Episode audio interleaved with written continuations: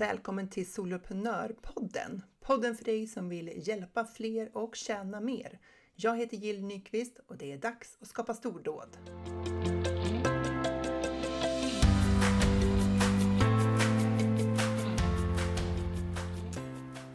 Vilka steg finns i företagarresan och framför allt var befinner du dig på resan? Det eh, kommer du få reda på, eller du kommer kunna ta ställning till det när du har hört den här veckans intervju. Eh, jag har intervjuat Hanna Svensson som driver företaget Krevall Apa. Hon är business coach och ledartränare och hon går igenom de här olika stegen i företagarresan och vi pratar också om pengarna. Alltså lönsamheten i respektive steg. Så missa inte det, häng med! Men först så ska jag säga några ord om vad som är på gång i mitt företag. Eh, det är dags för kampanj. Funkar med ADHD, min andra medlemstjänst, Funkar med ADHD-vänner. Vi har öppet här i början på mars, tar in nya medlemmar, föräldrar som vill få en smidigare vardag med barn med diagnos. Och nu har det varit kampanjproduktion på hög nivå här. Och eh, säg inte ordet videoredigering en gång till, för som jag har hållit på att redigera video. tänkte att jag skulle testa någonting nytt den här gången. Så att jag kom på den fantastiska idén att vi skulle göra en videoserie. Eh, tre delar där vi går igenom den modell som vi har för framgångsrika föräldrastrategier. Och eh, det låter ju som en jättebra idé, eller hur? Videoserie. Eh, allting är ju så mycket mer jobb än vad man först tror. Så jag har suttit timmevis och redigerat film i Camtasia. Och jag vet inte varför det tar så lång tid. Jag är väl kanske ingen liksom, expert på att redigera film, men jag har ändå redigerat rätt mycket på den nivån som jag redigerar. Så det har varit ett tufft jobb. Sen har vi en webbinar på gång då i Funkar med ADHD och eh, fram till dags dato så är det så 539 anmälda till två webbinar. Så vi hoppas att vi ska komma upp till maxgränsen då som är 600, 300 på webb varje webbinar eh, innan det är dags att hålla det här webbinariet. Så att jag får väl återkomma hur den här kampanjresan eh, har, vad, den gav för resultat och hur det gick med de här filmerna. Så, den första filmen är utskickad idag eh, och eh, den har fått hyfsat mycket visningar. Så vi får se hur det här eh, artar sig vartefter. Men det har varit roligt. Jag tror att det här är någonting vi ska fortsätta göra. Eh, men eh, kanske börja lite med lite längre framförhållning. Sen 13 april öppnar Soloprenörerna igen. Så det vill jag att du håller koll på. Skriv in i almanackan 13 april. Då kommer du kunna gå med i Soloprenörerna om du vill bygga din lönsamma och framgångsrika medlemstjänst. Om du vill jobba online och ha med dig alla de liksom, verktyg och metoder du behöver för att bygga upp en framgångsrik medlemstjänst, då är Soloprenörerna någonting för dig. För att det är en fantastiskt gäng människor Eh, och eh, min modell för att göra det här, soloprenörmodellen, den, ehm, den ger dig det du behöver. Men jag kan komma tillbaka till det. Men 13 april i alla fall. Ehm, sen har jag en annan sak. Jag ska bara säga en mindre rolig sak först. Ehm, jag vaknade upp här en morgon så hade Facebook stängt ner mitt annonskonto för, på grund av så här överträdelser. jag fick värsta dippen och tänkte bara, vad har jag gjort? Gjort.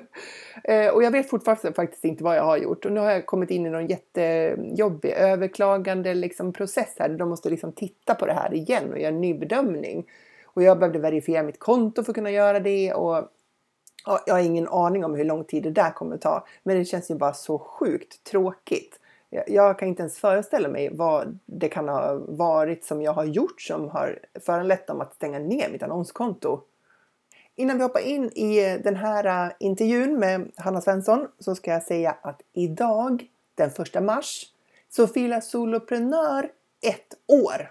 Det här benet av mitt företag där jag hjälper till och pratar om medlemstjänster och hjälper eh, soloföretag att paketera om sina kunskap till medlemstjänster och jobba smart digitalt med digital marknadsföring och allt det här. Ett år! 1 mars 2020 startade det här benet och nu har det redan gått ett år. Fantastiskt kul! Så stort tack för att du lyssnar på podden och för att du hänger med mig på Instagram och i Facebookgruppen soloprenör.nu, din guide till medlemstjänster. Sjukt kul! Så trumvirvel och fanfar för ettårsjubileet. Och det innebär faktiskt också att mitt företag fyller tre år. Tre år som företagare, inte illa. Så eh, tack för att du hänger med mig. Eh, jag får väl fira lite grann idag fira in våren och fylla in det här soloprenörbenet och treårsdagen. Men nu till intervjun. Den här veckan har jag Hanna Svensson eh, med mig och hon driver företaget Kravallapa där hon är business coach och eh, ledartränare. Och vi ska ha ett spännande samtal om företagarresan och det här med tantara, pengarna, lönsamheten, allt det här som är så himla viktigt att tänka på när man driver företag för att man ska bli en hållbar företagare. Varmt välkommen till Soloprenörpodden, Hanna! Tusen tack! Det är faktiskt podddebut för mig dessutom, så det är lite extra nervöst för mig. Du är ju värsta rutinerade poddräven, så att jag är glad för att vara med. Ja, jag är hedrad att få vara din premiär. Men berätta, vem är du och lite kort om din bakgrund och vem du hjälper? Ja, vem är jag? Alltså, det är den frågan man alltid ska ha så färdiga svar på, eller hur? Men eh, Hanna heter jag, det har du redan sagt, jag driver Kravallapa som är mitt egna företag sedan 2014. Innan dess har jag jobbat i drygt 15 år som eh, företagsledare i olika omfattning. Eh, jag har jobbat framförallt inom telekom och IT och e-handelsbranschen. Jag har eh, drivit stora projekt internationellt runt om i världen. Och eh, sen har jag framförallt jobbat i tillväxtbolag, alltså varit med och byggt upp företag från typ ingenting till, till ganska stora sammanhang. Och ehm, det sista jag gjorde var att grunda ett eget specialistkonsultbolag inom e-handel ehm, som jag byggde upp från 0 till 40 miljoner på på två år och det var en superspännande resa. Men sen tröttnade jag på att vara anställd och eh, liksom att vara en del av, kanske inte alltid så här jättekul kultur alla gånger. Och tänkte att nej, nu släpper jag det där. Jag tröttnade för att jobba för andra också. Jag kände att nu, nu vill jag jobba för mig själv. Så då blev jag eh, helt egen och har varit det sedan dess. Och det jag gör är att vi hjälper eh, företagare och ledare att nå större resultat utan att jobba ihjäl sig. Alltså att man kan liksom göra mer med det man redan har, att hitta, hitta nyc enkla nycklar till framgång. Jag gillar ju att jobba enkelt, att hitta liksom enkla lösningar på, på det mesta. Det behöver inte vara så himla pretentiöst alla gånger. Ja, just det. Mm. Ja, men det låter ju fantastiskt att tjäna pengar på ett enkelt sätt utan att jobba ihjäl sig. Det tycker jag är bra ledord, eller hur? Ja, men och, och äh, grejen är, jag är någon slags effektiviserings-nörd. Äh, liksom, jag har alltid varit det. Eh, både med mig själv, jag har gjort en ganska omfattande personlig utvecklingsresa också. Jag är så här, om det är något som inte funkar eller hakar upp sig, om det stör mig så ser jag till att fixa det. Ehm, med utgångspunkt att livet och företagandet ska vara så enkelt som möjligt. Det ska inte vara jobbigt. Eh, om jag har ångest varje gång jag ska visa mig själv på video, ja, men, då får jag ta tag i det, för jag inser att det behöver synas på video. Det är bara att liksom, ja, hugga i och reda ut vad det beror på, så att det känns okej att vara med på video sen, eller vad det nu är för någonting. Mm. Ja. ja, men det, det är ju klokt eh, att försöka lösa upp sina, sina inbyggda hinder liksom, som, som ja. man kan ha och jobbar man eh, online, som du, du har ju börjat jobba mer nu online, förstått, jämfört med vad du gjorde i början av ditt företag. Så är det. Eh, min tanke var väl att jag skulle jobba 100 procent eh, online. Det hade jag väl någon slags eh, dröm kring. Mm. Framförallt också för jag flyttade i samma veva ungefär som jag startade företaget så flyttade jag ut på landet. Så jag bor mitt ute i, i skogen som inte är så här jättemitt ute ändå eftersom jag bor i Skåne där allting är, är nära i alla fall. Eh, så jag vill ju vara hemma mer. Alltså jag vill ha mer fritid och hemma mer. Lägga mindre tid på liksom att sitta i bilen och sitta på kundmöten och, och så där. Så det var det som var liksom den, framförallt den, den drivkraften till varför jag ville jobba mer online. Mm. Jag tyckte att det var lite läskigt. Jag tyckte att den här eh, online-världen var konstig. det ska jag erkänna. Alltså eh, att det var vissa liksom, delar jag är van att kunna prata med folk, alltså de fysiska mötena och har liksom byggt mycket av mitt personliga varumärke och min framgång på det. Och plötsligt kunde jag liksom inte prata med folk, så jag var tvungen att skriva med folk sådär. Eh, och så var jag nog ganska trygg med det jag hade. Alltså jag, jag var väldigt etablerad liksom som företagare, hade mitt nätverk och så. Så jag tyckte att det var läskigt att släppa den tryggheten. Mm. Eh, så pandemin faktiskt har också, jag kanske jobbade liksom 40, 60, 50, 50 tidigare, men pandemin har ju gjort att idag jobbar jag i stort sett uteslutande online. Ja. Mm. ja. Det blev en eh, snabb omställning där då för att komma dit. Ja.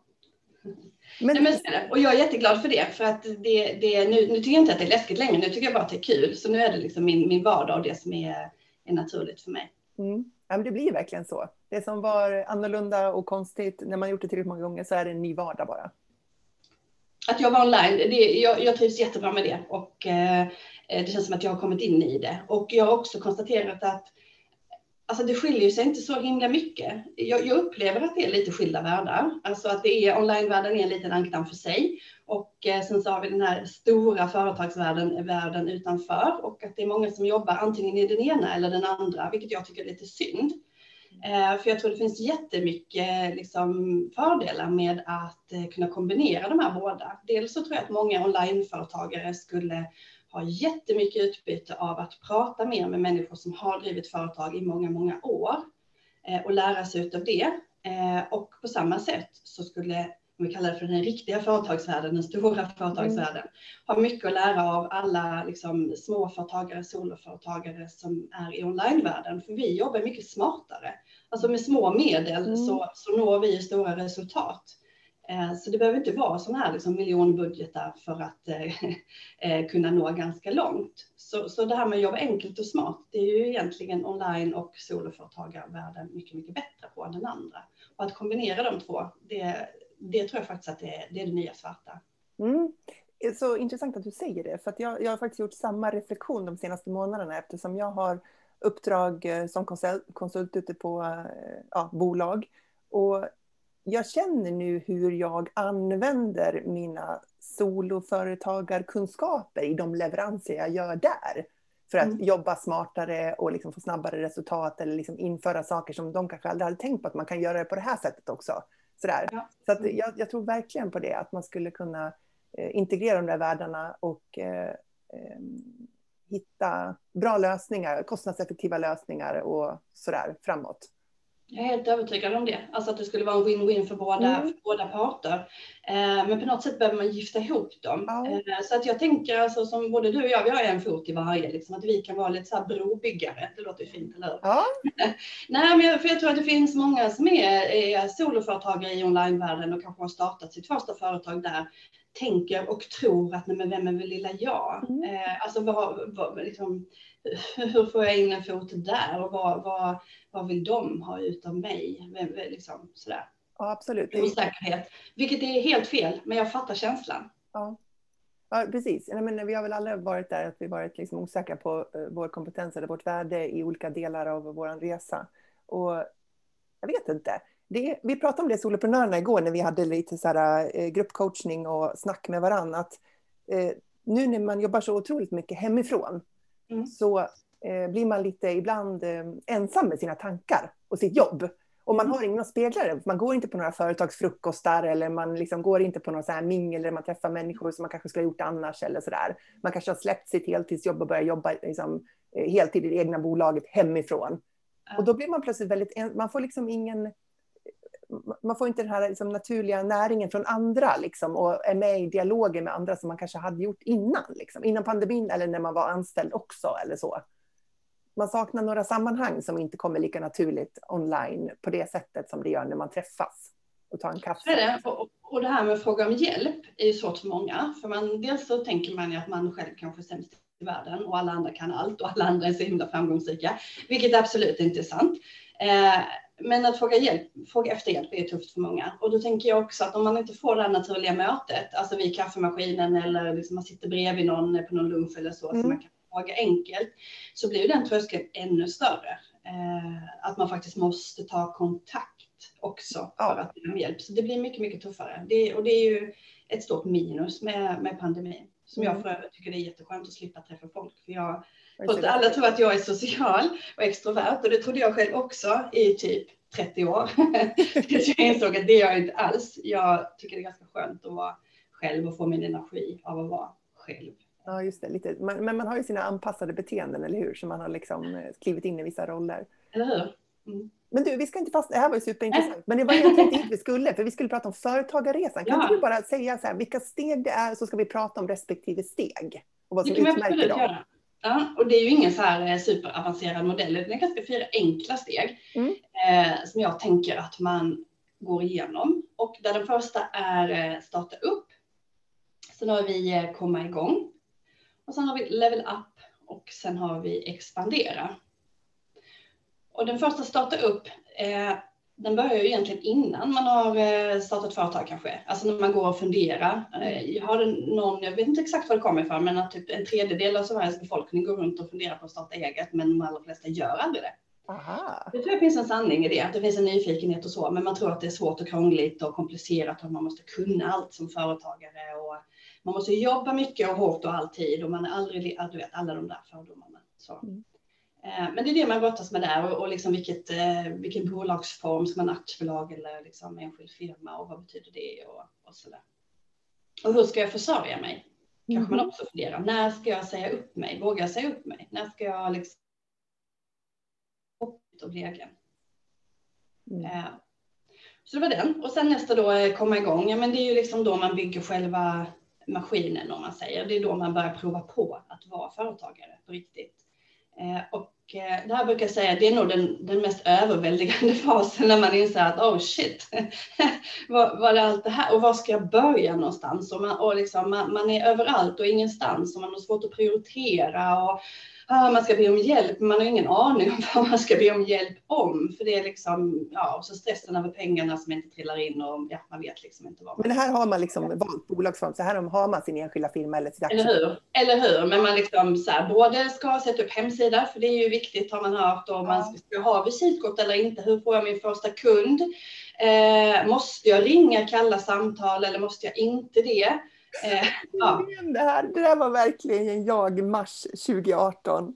Visitkorten, hemsidan och kalla samtal. Men hur? Vad är det med den där, alltså folk, så här, du, jag ställde frågan till någon igår, så här, men tänk om du kanske kan fixa din första kund utan visitkort och hemsida, vad skulle det vara? Han bara, va? Va? va? Ja, man kanske faktiskt kan det. Men vi ska inte skratta, alltså, jag skrattar mer ja, jag skrattar, dem, inte, inte åt dem. Nej, jag skrattar åt mig själv. Liksom, åt mig själv för att jag gick precis i, och jag kommer ihåg att jag sagt så här, men, så här, visitkort, det måste vara enklast möjliga för att det här kan ju verkligen inte egentligen vara viktigt, var ändå min tanke. Att så här, det kan rimligen inte vara så viktigt med visitkort.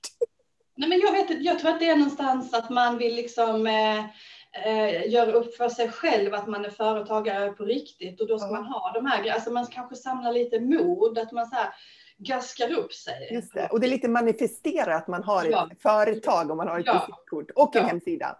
Eller hur, att man har det. Det är liksom så här, nu är det, är det på riktigt. Ja. Plus att det faktiskt är mindre läskigt att sitta och pilla med sin hemsida backoffice hemma bakom sin skärm än att faktiskt gå ut och börja sälja och fundera på sitt erbjudande och så. Ja, absolut. Så, och jag, alltså jag kommer ihåg att jag, jag hade förvisso liksom verkligen liksom hoppat av en trygg anställning som chef med en hög lön och så. Eh, och jag hade verkligen noll kunder. Och jag hade heller ingen idé om hur jag skulle skaffa de där kunderna. Du vet, så här, när jag tänkte på sälj, då hände det ingenting i mitt huvud mer än känslan att så här, jag får ju lov att lösa det här. Alltså lite sådär, alltså, jag får ju göra vad som krävs. Eh, fast det var väldigt oklart vad som krävdes. Ja.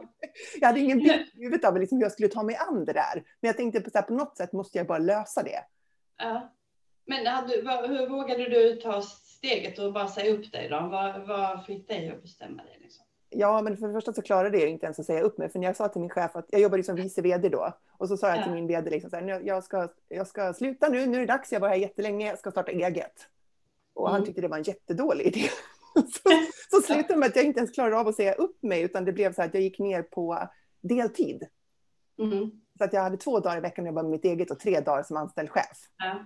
ja. i sex månader. Och så gjorde jag så, och så efter tre månader så tänkte jag så här, ska jag säga upp mig, jag har ju tre månaders uppsägningstid, då måste jag ju bestämma mig om tre månader om jag ska liksom mm. Mm. avsluta då. Mm. Och efter de tre månaderna, då kände jag bara att, vet att jag bryr mig inte om det funkar eller inte, jag måste prova. Mm. Det var, bara, det var mm. den drivkraften. Så här, det spelar ingen roll om jag inte får det att funka eller om jag ångrar mig, för det var inte för mig. För jag, liksom, så här, jag kanske trodde att jag hade en romantisk dröm om att vara företagare, men det var inte så kul som jag trodde. Om jag, om jag hamnar där, då är jag fine med det. Mm. För då har jag åtminstone försökt. Och då har jag testat tanken och då får jag ro i att konstatera, det var inte för mig. Så det var liksom det, att det får bära eller brista, jag måste prova. Och funkar det inte, då söker jag väl ett jobb igen. Så. Men precis, precis. Det, det, är ju något som jag brukar säga, alla som står för och funderar på att starta eget, ska jag, ska jag inte liksom. Ja, det, för då brukar alla säga, ja men det är ju inte lika tryggt att driva företag. Och då säger jag så här, men du, det är inte så tryggt som du tror att vara anställd heller, du har en uppsägningstid. Alltså du kan faktiskt bli uppsagd och då kanske du har en månad eller två eller tre månader. Liksom. Det är den tryggheten du har. Så vi har en liten illusion också om att det, att det svenska liksom, anställningstryggheten är så hög. Ehm, och det är den ju till viss del, men inte riktigt så trygg som folk inbillar sig. Liksom. Man kan faktiskt bli, bli, eh, mm. bli uppsagd också. Mm. Um, och sen att det går ju oftast att skaffa sig ett jobb igen. Mm. Och, och, liksom, och, hoppa av och börja om. Mm. mm. Nej, men jag tror att det var den tanken, liksom, att om jag ångrar mig så ja, då söker jag ett jobb igen. Det behöver inte vara evigt, eller hur? Alltså, det är samma när folk ska köpa hus, så är det så här, måste man hitta det perfekta huset för man ska bo där i 200 år. Ja, liksom. ja. Fast det är det ju inte heller. Det går att sälja hus och det går att och liksom lägga ner företag och man kan starta nya företag och man kan ta en anställning och man kan ja. byta. Det är liksom. Det är det att man känner att vissa beslut är så himla definitiva tills man inser att de inte är det. Men i ens huvud innan man liksom har förstått vad, vad är det som gör att jag har så svårt att bestämma mig? Jo, det är för att jag känner att jag måste fatta 100% rätt beslut. Ja.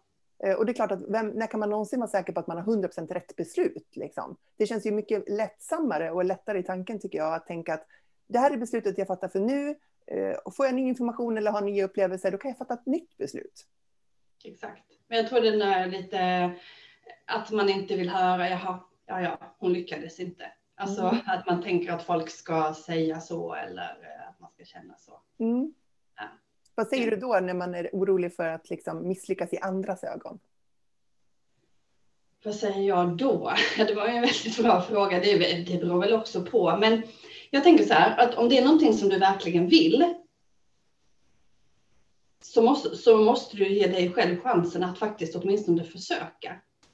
Så då kanske inte spelar, alltså då får du lära dig att hantera på vägen vad, vad andra tycker. Därför att det är så viktigt för dig att få lov att ens få prova detta. Mm. Um, för det är någonting som du vill. Så. För jag pratade med en tjej en gång som sa så här, men för att hon stod i valet och kvalet, skulle hon driva sitt företag vidare eller skulle hon eh, lägga ner det och ta en anställning? Och då var hon precis orolig för att folk kommer ju tycka att jag misslyckas. Jag vill inte att, att, att jag lägger ner företaget ska inte bero på mig. Jag bara, fast det beror ju på dig. Äg det istället. Jag startade det här, jag drev det. Nu vill jag inte ha det längre. Så jag Exakt, ja, men så är det. det är ju mogna, ja, liksom. ja, alltså mogna rationella beslut. Jag hade en tjej igår som hörde av sig till mig och så sa hon så här, jag vill inte ha kvar mitt medlemsprogram längre. För det är inte linje, det startade jag upp och det är inte linje med vad jag vill längre. Men de kommer bli jätteledsna när jag meddelar att jag ska lägga ner. Ja, men alltså du kan ju inte driva någonting för någon annans skull, utan du måste ju välja det som känns rätt för dig, det som är linje med du vill och vad som är linje med ditt företag och vad du dessutom tjänar pengar på. Jag tjänar inte särskilt bra med pengar på det heller, hade hon kommit på. Hon kanske mm. tyckte det för två år sedan, att mm. det var ju ganska bra, men nu ser hon liksom på sitt företag med helt andra ögon och tycker att, eh, ja. Så hon eh, klev in där igår faktiskt och meddelade att this is no more. Nej. Ja. Och kände sig stolt över det. Liksom. Ja. Nej, men vi måste kunna göra det. Men jag vet också att det är så himla lätt. Man vill inte göra människor besvikna och man vill inte att människor ska tycka att man är dålig eller liksom och sådär. Det, men man behöver lära sig och coacha sig själv i de tankarna, tänker jag. ja, man, får lära sig alls... Nej, man får lära sig leva med det. Ja. Och så är det ju att vara företagare. Alltså du kommer ha missnöjda kunder någon gång. Alltså så är det ju. Och eh, det kommer vara någon affär som du inte, inte vinner som du jättegärna vill ha. Och mm. det går trögt ibland och det går eh, lättare ibland. Så att mindset och självledarskap är mm. kanske liksom ändå den kärnkompetens som jag tycker är allra viktigast för företagare. Mm. För du sitter ensam och måste ta besluten. Eh, och när du är anställd eller, eller eh, liksom jobbar på ett, ett, större företag så är du ofta ett team. Det är ett helt gäng där som, som tar besluten och du har någon rådfråga och så. Och säger du vd så är du ytterst ansvarig, men man gör det ändå lite mer i, i samråd med andra. Mm. Här är det du själv som ska ta beslut om väldigt mycket saker och många gånger saker som du kanske egentligen inte egentligen har någon aning om. Nej. Men, men du måste ändå bestämma dig. A eller B? Ingen aning, men välj något liksom. Ja. Du måste.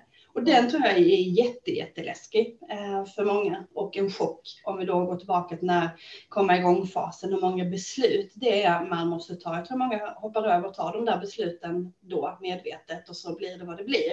Och det är definitivt ingen framgångsfaktor. Eh, Nej det blir, det blir för jobbigt och då hoppar man av att aktivt fatta ett beslut. Men det blir ju också som ett beslut, liksom, för det har också sina konsekvenser. Ja, ja. Att, att avstå från att liksom göra ja. medvetna val och sådär. Men kom igång-fasen, om man ska tänka, tänka på um, ekonomiaspekten när man är i kom igång-fasen. Jag känner att jag själv inte alls var någon förebild där, så berätta lite hur man ska tänka kring sin ekonomi när man är i kom, kom igång-fasen. Jag tänker att det kanske är den fasen då ekonomin är allra viktigast. Alltså då man verkligen behöver vara noga med varenda sekund man lägger i sitt företag och fundera på hur kan jag dra in pengar på enkla sätt så att jag faktiskt har en försörjning under tiden kanske som jag bygger den här mer långsiktiga planen, vad det nu är jag vill göra i mitt företag, om det är någon, någon kurs jag ska lansera eller, eller vad det kan tänkas vara. Mm. Eller om jag vill jobba som coach, som ofta många gånger också tar en stund att bygga upp ett varumärke kring. Mm. Alltså man kanske inte bara så startar sitt företag och sen imorgon så försörjer man sig 100% som coach. Nej, jag tror det är... Gjort det. Ja. det är rätt vanligt tror jag. Och, och då behöver man ju ge sig den tiden att kunna liksom bygga upp sitt varumärke som, eh, som coach och, och liksom etablera sig som det och börja sakta få in kunder. Du måste ha en försörjning under tiden. Och vad är då den försörjningen? Mm. Det kan se olika ut, men det kan ju vara att man kanske hyr ut sig själv som eh, konsult på deltid, att man har kvar någon procent i sin anställning, Ehm, att man kanske har någonting man kan erbjuda som inte är den här drömmen men, men som är lättare att sälja på marknaden. Jag gjorde ju själv så att jag har alltid haft, och har jag faktiskt fortfarande, ett ben kvar i det som jag kallar för mitt gamla jag. Alltså som är mer, eh, som är en väldigt lukrativ bransch, liksom e-handelsbranschen där jag liksom är som rådgivare och expertkonsult inom digitalisering och organisationsutveckling och jag stöttar eh, projekt eh, och projektledning och så. Och det är inte som jag pratar om att jag gör i mitt företag, men jag gör det faktiskt mm. Mm. en hel del. Och, ehm, ja, och drar in en hel del pengar genom det som är någon slags liksom, grundtrygghet ändå i min, i min inkomst. Men så det gör jag fortfarande. Mm. Ja, precis. För att någonting som jag tror att många eh, brottas med det är så här, ska jag det beror på vad man har för typ av jobb också. Har man ett väldigt krävande jobb som anställd och så går man ner i tid från det krävande jobbet, då kanske man ändå inte får loss riktigt hjärnkapaciteten för att jobba i sitt eget företag. För det kräver för mycket på sin anställning. Lite grann där var jag.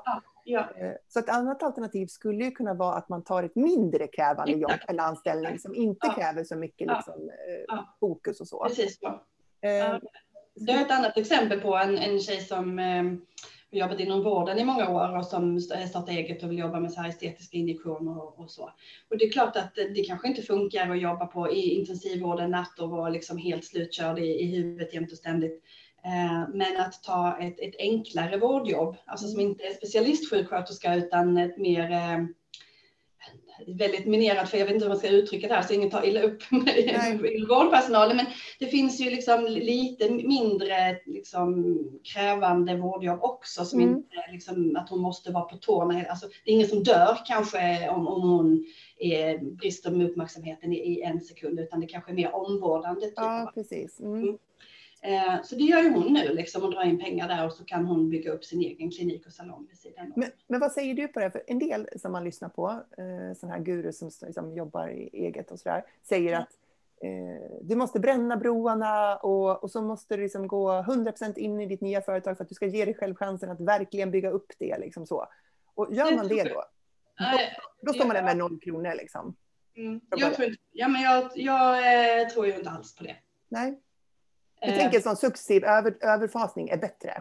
Exakt, för de allra flesta. Därför att om du har noll kronor på kontot och du har panik och stress av att pengarna eh, behöver komma in, Alltså då tror jag att du är i fel energi och i fel mindset mm. för att kunna sälja någonting, för då är du desperat. Då är det så panik över att få in kunder. Mm. Och är du i panik så vet du, funkar inte ens din hjärna fullt ut, för då är du i stress. Så då kan du inte ens tänka de där liksom strategiska tankarna, för den delen av din hjärna har kopplat ner. Du är i så här rescue mode liksom. Eh, och sen eh, sänder du också ut helt fel vibrationer till din, till din omgivning. Så eh, nej, jag tror inte alls Jag tror du behöver ha någon slags liksom, grundtrygghet, men det är ju en balansgång. Precis som du sa, att eh, det andra, alltså det som är din eh, grundförsörjning, det ska ju bara vara ett sätt att få in pengar som du kan göra utan att liksom anstränga dig för mycket. Det ska vara något du kan göra liksom lite mer med vänsterhanden. Mm. Och det skulle kunna vara ett helt annat arbete. Det behöver inte ens vara liksom, alltså om du jobbar som advokat i många år och ska starta eget inom det, men då kanske du tar ett eh, något, alltså ett betydligt enklare jobb mm. eh, vid sidan om som inte alls har med det att göra, som bara är för att få in en försörjning. Jag tänker att det till och med kan, kan vara bra att inte ha med det att göra för att man liksom verkligen då vilar eh, hjärnan ja. från, från det. Liksom. Ja. Ja. Sådär. ja, men det var intressant att höra ändå att du ser ändå liksom att det, det är en, en schysst väg att gå, att antingen liksom gå ner i tid från sin fasta anställning eller att erbjuda tjänster som kanske inte är exakt det man vill göra i sitt drömföretagande, men man ja. gör det nu under en övergångsfas. Alternativt ta en enklare anställning någonstans eller kanske timjobb som drar in lite pengar så att man får en grund. Ja. Och sen är det ju de här eh, done is better than perfect, action mm. before perfection och alla de där eh, eh, liksom buzzwordsen som tål att repeteras om och om, om, om, om, om igen. För, mm. för du, i den fasen har du liksom inte tid med finliret utan du måste få ut grejer och du måste börja kontakta folk och du måste börja sälja. Mm. Eh, alltså du kanske inte behöver göra liksom hela din eh, produkt eller tjänst färdig heller. Du kan kanske göra en, en liten skiva av den som du kommer ut och, och säljer liksom, så att du kommer igång mm. med din maskin istället för att göra helt färdigt. Och då får du också lite grann prova din, din idé. Mm, precis, för jag gjorde ju precis tvärtom. Eh, jag, gjorde, jag, gjorde en, jag la ner oändlig, oändlig tid. Det här har jag berättat förut i podden, så de som har lyssnat på många vet om det här. Men, eh, stor tid på att bygga en hel webbkurs. Ja. ja. Och sen när jag hade byggt klart den, då skulle jag börja marknadsföra den. Mm. Och, och, sen då, då, och i det läget så insåg jag att oj, vad mycket jobb det innebär att marknadsföra kurser online. Det var inte så att man kunde lägga ut ett inlägg om det och så hoppade alla och köpte det. Uh, ja, chock! ja, ja. jag är, helt ärligt så tror jag att, alltså, ibland kan jag bli lite trött faktiskt på, på eh, online-världen, om vi ska kalla det för det. Det glamour, vet det, glamour, hur fasen ska man säga det? Det, det, det är glamorifierat, alltså att det blir, att det förenklas också, att, att, att det målas upp. Ja, men okej, du kommer bara gå min lilla kurs så får du fyra steg till success. Ja. Eh, så gör du din webbkurs och så säljer, säljer du den jätteenkelt. Så tänker någon så bara, åh det verkar kul, det ska jag hoppa på. Så går jag den där kursen och så säljer jag ju inte alls ett skit.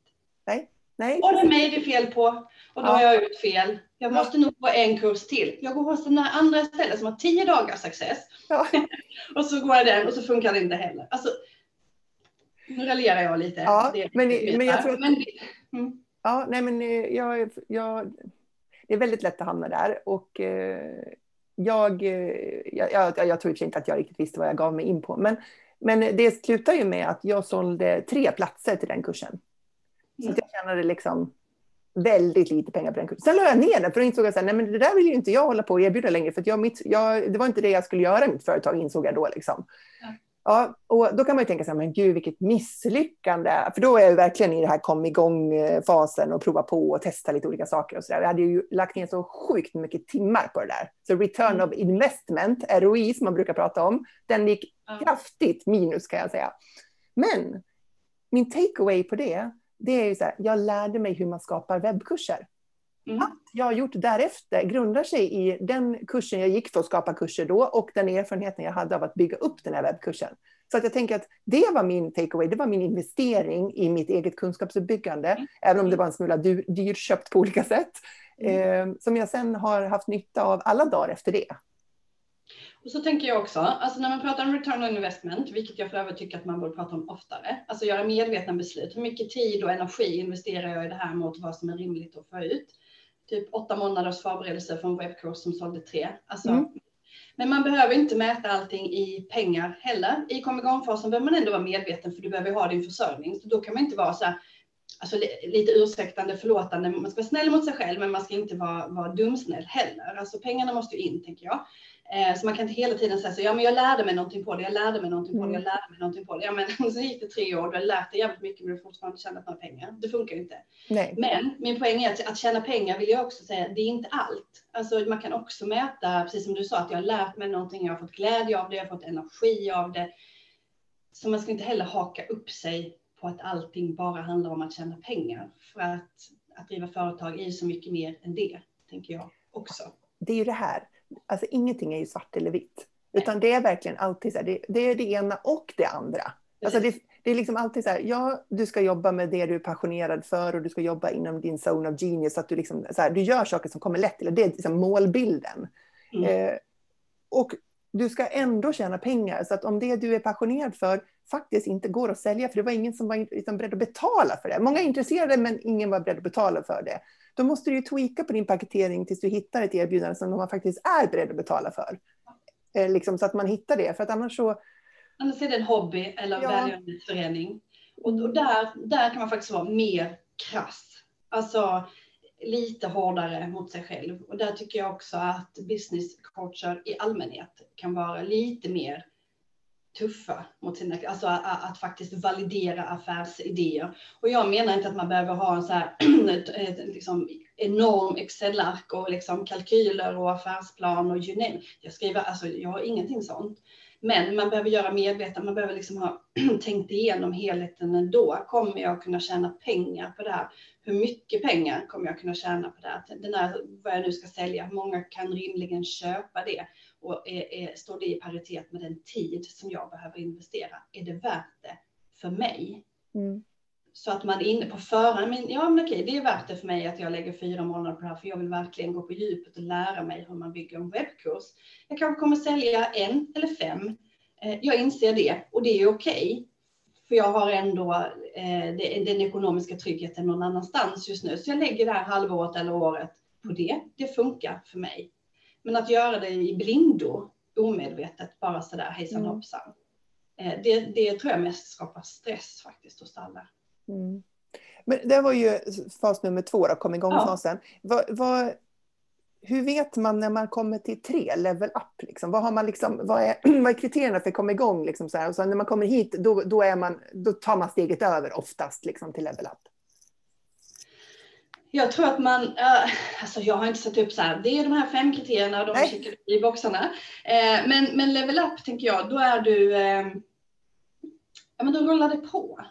De har börjat sälja ja, sina tjänster. Ja, liksom. du har sålt dina tjänster, du har dina kunder, du tjänar pengar. Du kanske vill tjäna mer, men, men det är liksom, maskinen rullar i alla mm. fall. Så du är igång du börjar känna att men fan, jag är företagare nu.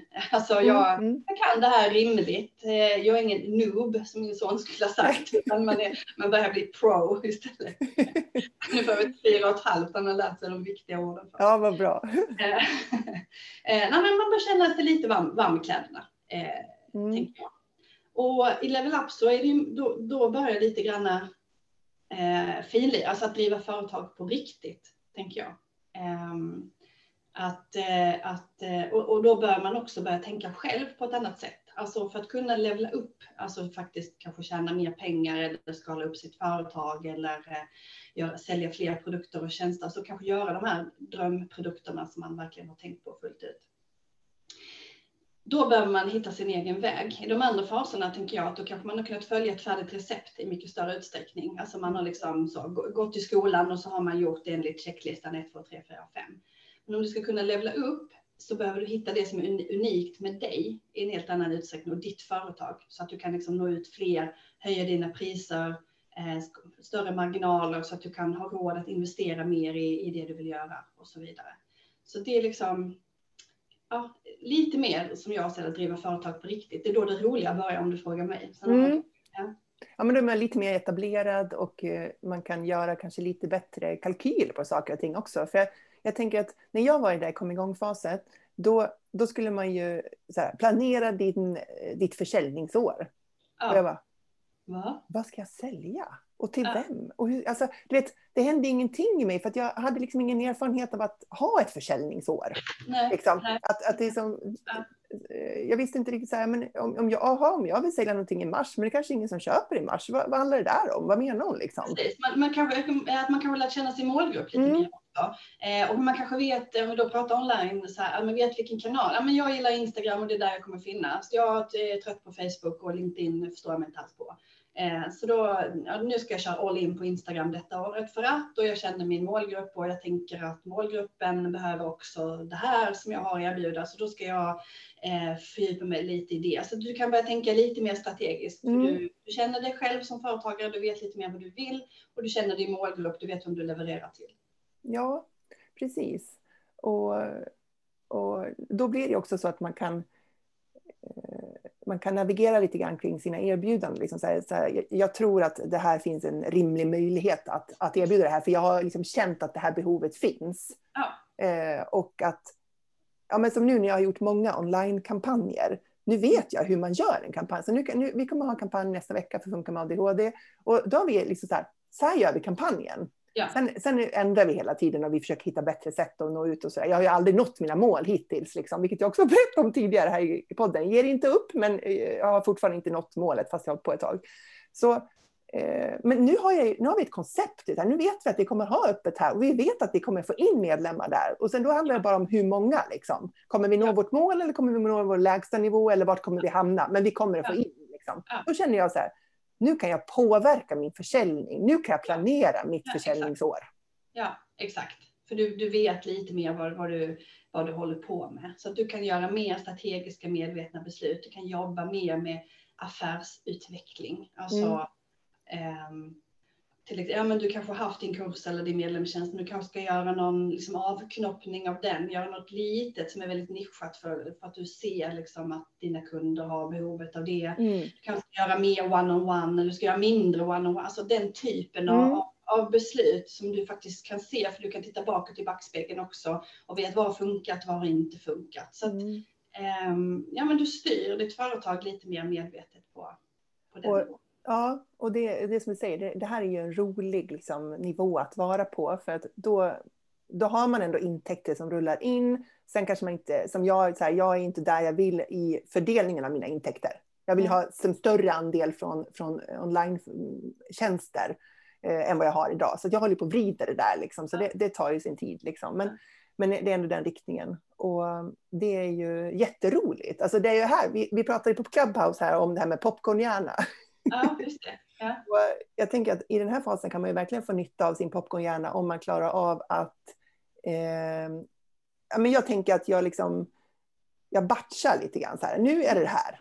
Mm. Och då har jag en massa popcorn-idéer. Jag har jättemånga idéer, men jag får inte ta mm. dem nu. För att jag måste göra det här först. Alltså det är självdisciplin. Jag får verkligen hålla i mig nästan i skrivbordskanten för att inte dra igång de här grejerna. Bort det här som är så roliga, för att jag faktiskt ska göra det här först. Ja. Det finns liksom en, så här, en plan för när saker och ting ska få ta tid i mitt liv, liksom, som, som är krävande. Uh, och det kan vara plågsamt för att ibland är man väldigt sugen på saker. Oh ja, oh ja. ja, och ibland så kanske, men jag gör all, många saker som är som, är, som inte är så genomtänkta, som är lite så här på impuls. Men inte på impuls som tar väldigt mycket tid av mig, som tar väldigt mycket kraft, som, som innebär att jag har knutit upp mig på åtta månader för att göra någonting. Så här. För sådana beslut fattar jag genomtänkt. Sen kan jag göra mindre saker på impuls. Liksom. Men nu, nu känner jag, när jag är på den här nivån i mitt företag, så har jag lite koll på vad som är vad av det här. Det hade jag inte i början. Nej. Ja, jag tänkte att man kan släppa loss popcornen lite mer. Ju högre upp i den här trappan man kommer, ju mer popcorn kan man släppa loss. Alltså man kan tillåtas, jag brukar kalla det för hopp och lektid. Alltså det är där man lite grann tar lite större risk, man testar lite nya grejer. Det här verkar kul, det vill jag prova. Och det kan ju vara allt ifrån något nytt erbjudande man vill ta fram eller ett samarbete med någon eller starta en podd eller whatever. Liksom. Mm. Eh, hopp och lektid, alltså det som är mer glädje och lustfyllt som man liksom, ja, man testar sig fram. Det, det kan man unna sig mer av i, i den här fasen. Jag tror man ska akta sig för också att, eh, att låta det ta överhanden. För det är ju viktigt att hela tiden ha med sig sin alltså det är kassako, alltså den här stabila verksamheten som man kanske har faktiskt tröttnat lite på när man är i level up. Alltså det som man har med sig från början, det som kunderna känner dig för och det som levererar det, liksom, det dagliga. Lätt hänt, i alla fall om man har popcornhjärna, mm. att man tröttnar på den. Så, äh, det där ska jag inte göra mer av, nu ska jag bara göra det här nya. Mm. Och då sätter man sig i den här situationen igen, att allting bara är nytt och tillbaka till mm. resten och börjar bygga upp varumärke och etablera sig igen. Så um, att hålla i det som är liksom stabilt och tryggt, även när det kanske känns tråkigt. Det kanske är gammalt och tråkigt och trist för dig, mm. men det kanske fortfarande är nytt och spännande för dina kunder. Då får man liksom disciplin, hålla fast i det.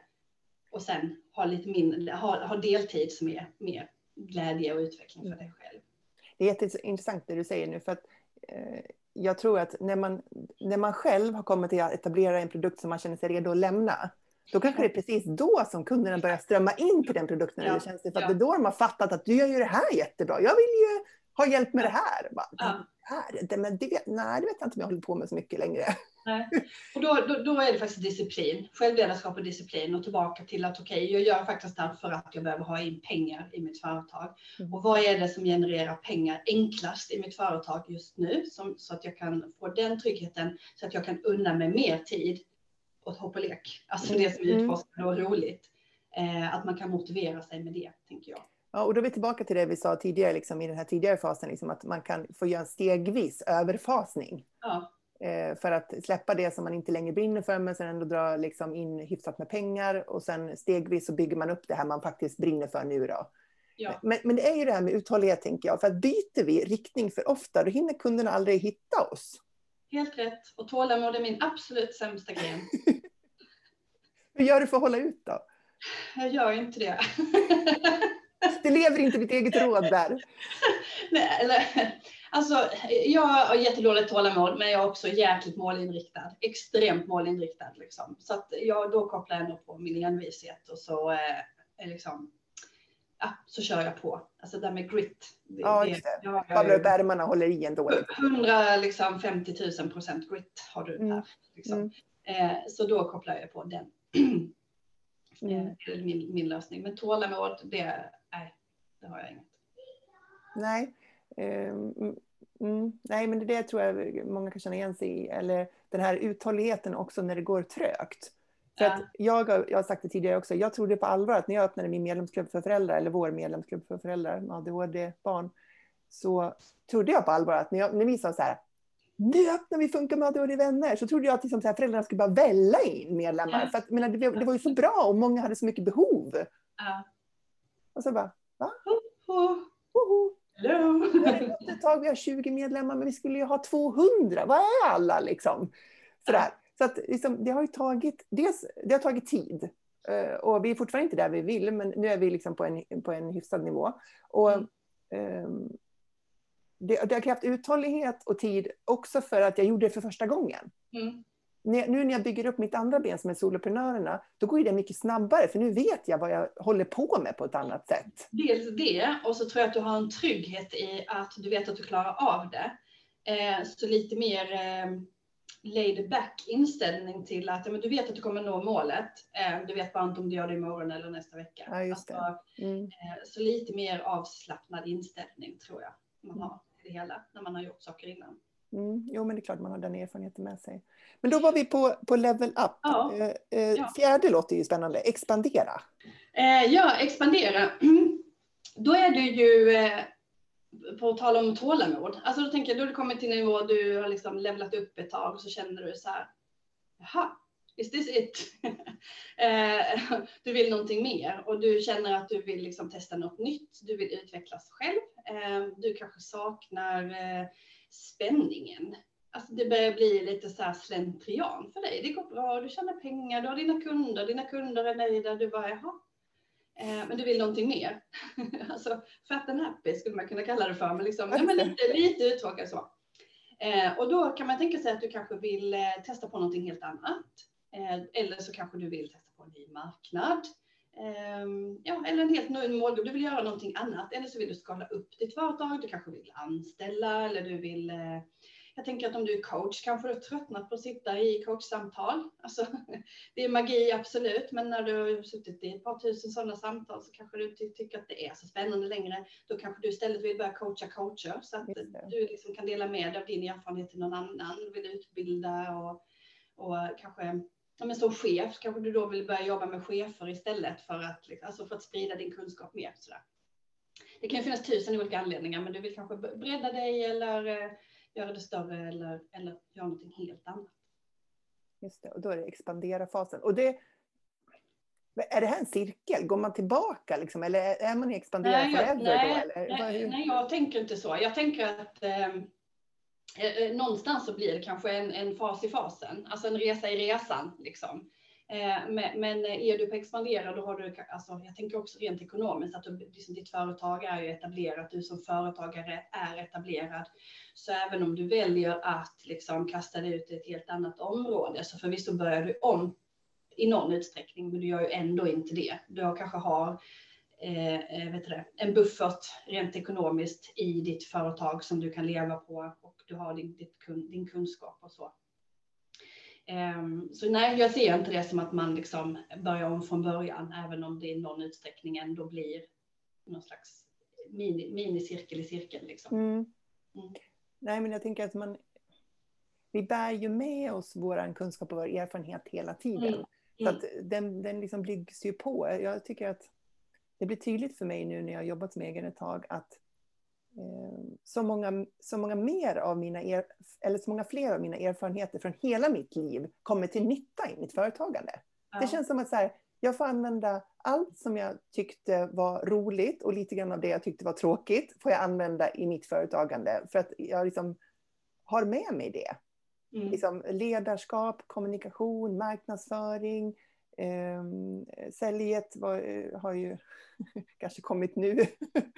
Eh, och liksom, eh, det, det, är så många delar. Ekonomi, alltså jag har jobbat med ekonomi som anställd chef för att man måste göra budget, man gör mm. uppföljningar, prognoser och gör sig liksom. Eh, jag var inte sjukt intresserad av det då, men jag gjorde det ju liksom och visste hur man gjorde och sådär. Och det har jag också nytta av nu. Liksom. Så det känns som att all, allting kommer en till del. Och när man, ja men då så när jag startade soloprenörbenet, som faktiskt var första mars, så det blir ettårsjubileum här nu, första mars förra året, så liksom bestämde jag mig för att jag vill lära andra hur man sätter upp medlemstjänster, för jag tycker att det är ett roligt sätt att jobba online. Ja. Oavsett om man har det som en, en, del av sitt företag eller om man har det som sitt hela mm. företag. Liksom. Mm.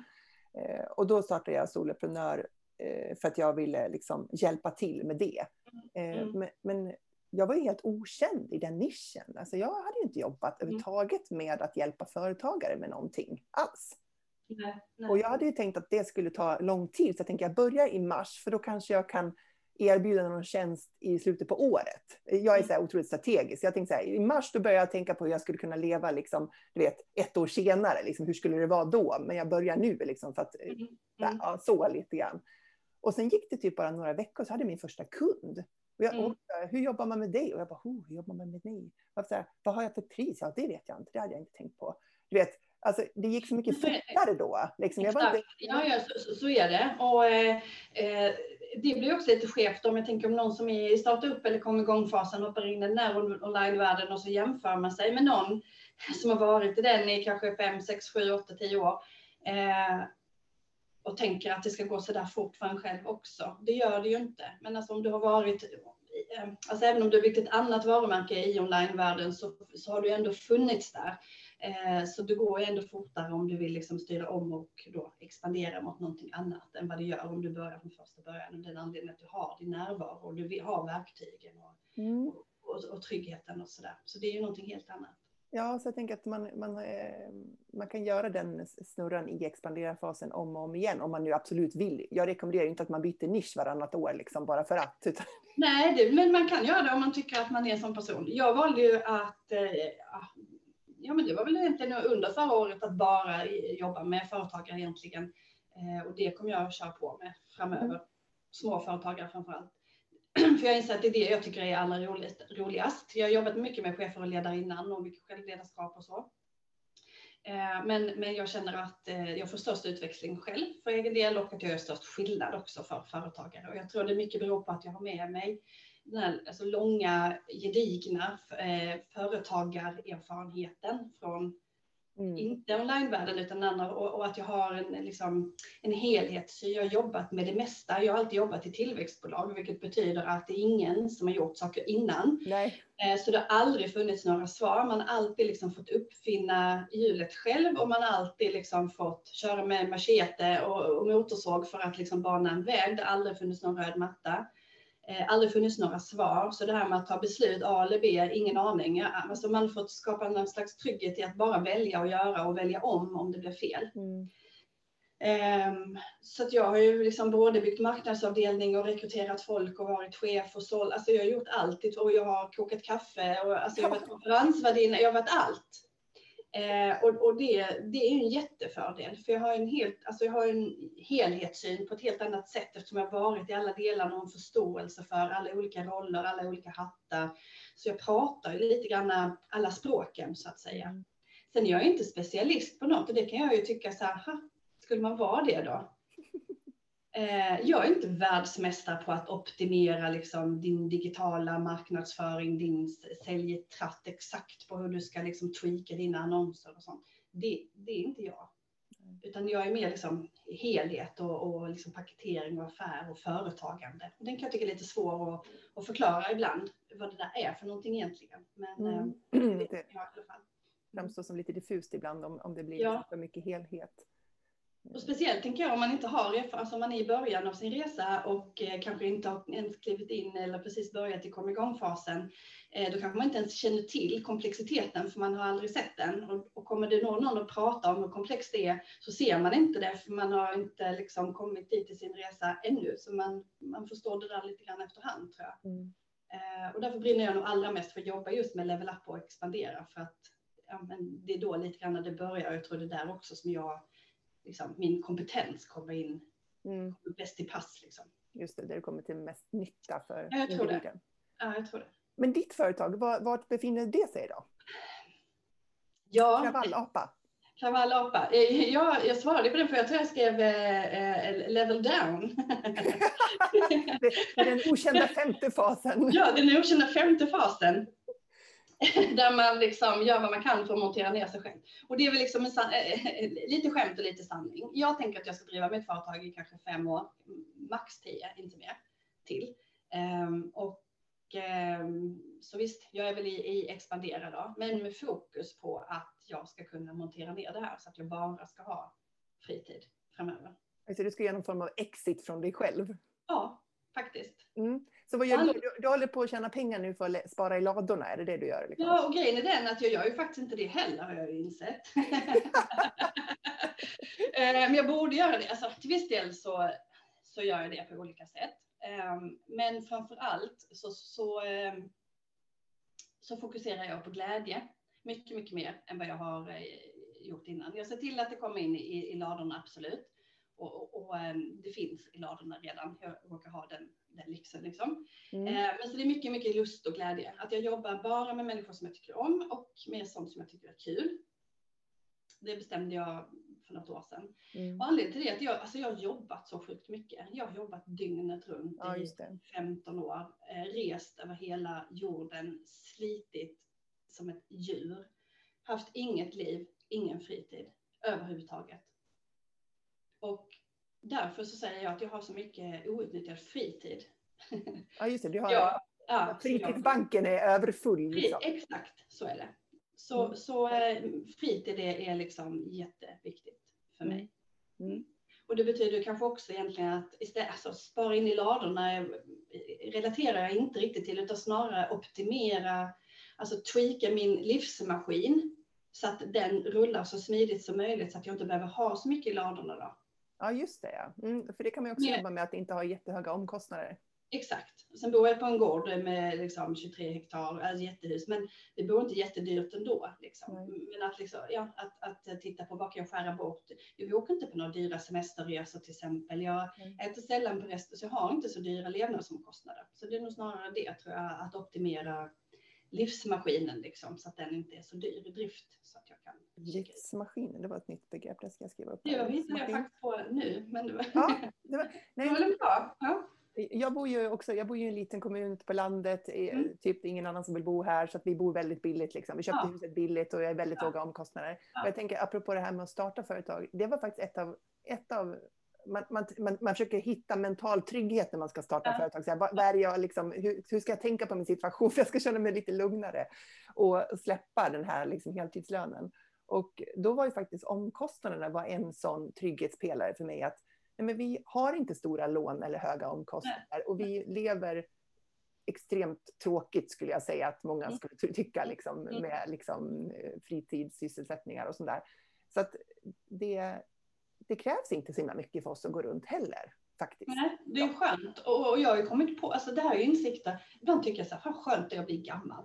Om man nu är gammal när man passerar 40. Men alltså det är liksom så att insikter ändå kommer till en. Jag har kommit på att jag är inte så lockad av att resa. Jag gillar att vara hemma. Mm. Eh, jag är inte så lockad av att ligga på en strand och steka i solen. Jag tycker det är rätt nice att ta en promenad i min skog. Och det mm. kanske någon tycker är tråkigt. Eh, men jag har kommit på att jag gillar det och Och jag behöver inte följa liksom, den här samhällsnormen om hur saker ska vara längre. Och friheten i det, alltså det är ju det största som har hänt mig i alla fall. Att liksom bara, alltså att landa i vem jag är och, och liksom att följa det istället. Och också det här med att jag är introvert, högkänslig, eh, alltså de insikterna.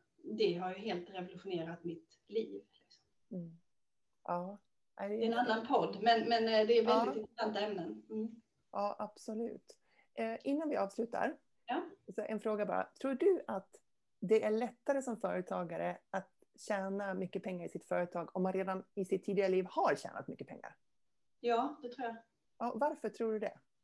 Därför att man är mer medveten om att pengarna finns. Eh, alltså jag hör ju många onlineföretagare som ska sätta pris till exempel. Och sen så tusen kronor timmen, det låter ju jättemycket. Mm. Eller 50 000 kronor för det där, det låter ju jättemycket. Alltså de beloppen är svindlande för mm. många privatpersoner. Men om man jobbat i, i, liksom i företagsvärlden där man har rattat ganska stora budgetar, där man pratar liksom om hundra miljoner, kanske miljarder, alltså, mm. då, blir, då inser man att för ett, ett företag så är inte en tusenlapp så mycket, inte tiotusen heller, kanske inte ens hundratusen. Mm. Och man vet vad, vad företag köper in utbildningar för eller hyr in konsulter för, så här fina McKinsey-konsulter som kommer in och gör, gör rapporter. Och man vet vad de kostar så blir det inte så, så läskigt längre utan då, inser, då kan man jämföra sig med det istället och tänka sig, ja en sån konsult jämfört med mig själv, ja det var typ same same, men jag har inga omkostnader för jag har inget fint kontor, eh, så då kostar jag så här mycket. Liksom. Istället för att jämföra sig med sin nystartade online-kollega som har liksom tagit i som en kräks och sagt att men jag tar 700 kronor i timmen mm. och tycker att det är jättemycket. Och, och liksom, ja, okej, men då vågar inte jag säga att jag tar 800 för jag är ju inte, vem är jag att vara mer än, än min online-kollega? Mm, så jag tror det handlar om liksom, medvetenheten om hur stora pengar det är som är i omlopp. Mm. Ja, men jag tror också det, är liksom perspektivet på pengar. Ja. ja. Och det är också lite grann, tänker jag, utifrån egen del i alla fall, så här, perspektivet på sitt eget värde. Ja. Jag, jag, här, jag jobbade där och tjänade de här pengarna. Och jag är inte en sämre person nu. Jag levererar ju inte något mindre nu. Jag har ju med mig all den erfarenheten och kunskapen som jag ger tillbaka till mina kunder nu. Eh, och, och det sätter också perspektiv på pengen. Liksom. Ja, nej, men det gör det. Så att den ena delen är, är, ju det och den andra är ju såklart mindset och eh, alltså självkänsla, självförtroende, trygghet som företagare och så. Mm. Det, bygger man upp, det bygger man upp efterhand, eh, tänker jag. Men, men perspektivet kan ju vara svårt att få om man inte om man inte har sett det med egna ögon. Sen tycker jag att det var sjukt svårt i början i alla fall, liksom ta betalt för föreläsningar och så jag, jag, har berättat om det tidigare i podden också, att jag lyckades ju inte riktigt få ur mig rätt belopp när jag skulle höja mitt pris. Ja, men det har jag, det har jag hört, men, men det tyckte jag också första gången så här, jag skulle göra någon mindfulness-föreläsning på två timmar för någon, för någon ledningsgrupp och så skulle jag ta betalt för det, så kollade jag runt lite eh, vad det skulle kosta. Var någon som bara, ja men du kan väl ta en, eh, säg 20-40 eh, tusen 40 000 så här ja. sängar. Ja, men, ja, ja, men jag bara, va? Liksom, jag kanske tänkt, min tanke var väl så här, men fem. Ja. och så sa jag, jag vet inte vad det landade på, kanske landade på, på 25 liksom. Ja. jag sa, wow. Ja. Ja, nej, men det är fascinerande. Hörru, det var supertrevligt att prata med dig, Hanna. Är det någonting som du vill lägga till som vi inte har varit inne på för att du ska känna att det här avsnittet eh, har, är komplett? Vi kan prata evigheter. Vi kan ja, jag känner det. avsnitt till tror jag. Ja. Men, nej, men jag tycker vi varit inne på det mesta och, eh, och så. Men, men eh, att, att ta medvetna beslut och att eh, hålla mer koll på pengarna tycker jag ändå är det som jag vill förstärka ännu mer. Och om man vill liksom läsa mer om dig eller följa dig, var hittar man dig då? Alltså på, det är på Instagram händer det ju jättemycket. Kravallapa heter jag där. Sen har jag ju en hemsida också. kravallapa.se. Så kravallapa all over the place. Då undrar man, nästan alla gör det, kravallapa, hur kom du på det namnet? Så står det också på min hemsida om man vill läsa om det. Mm, en liten cliffhanger där. Ja. ja. men tusen tack Hanna för att du var med i Soloprenörpodden. Och nu alla ni som lyssnar, gör er analys här. Är du starta upp, kom igång-fasen, level up eller expandera? Var är du och skapar dina stordåd?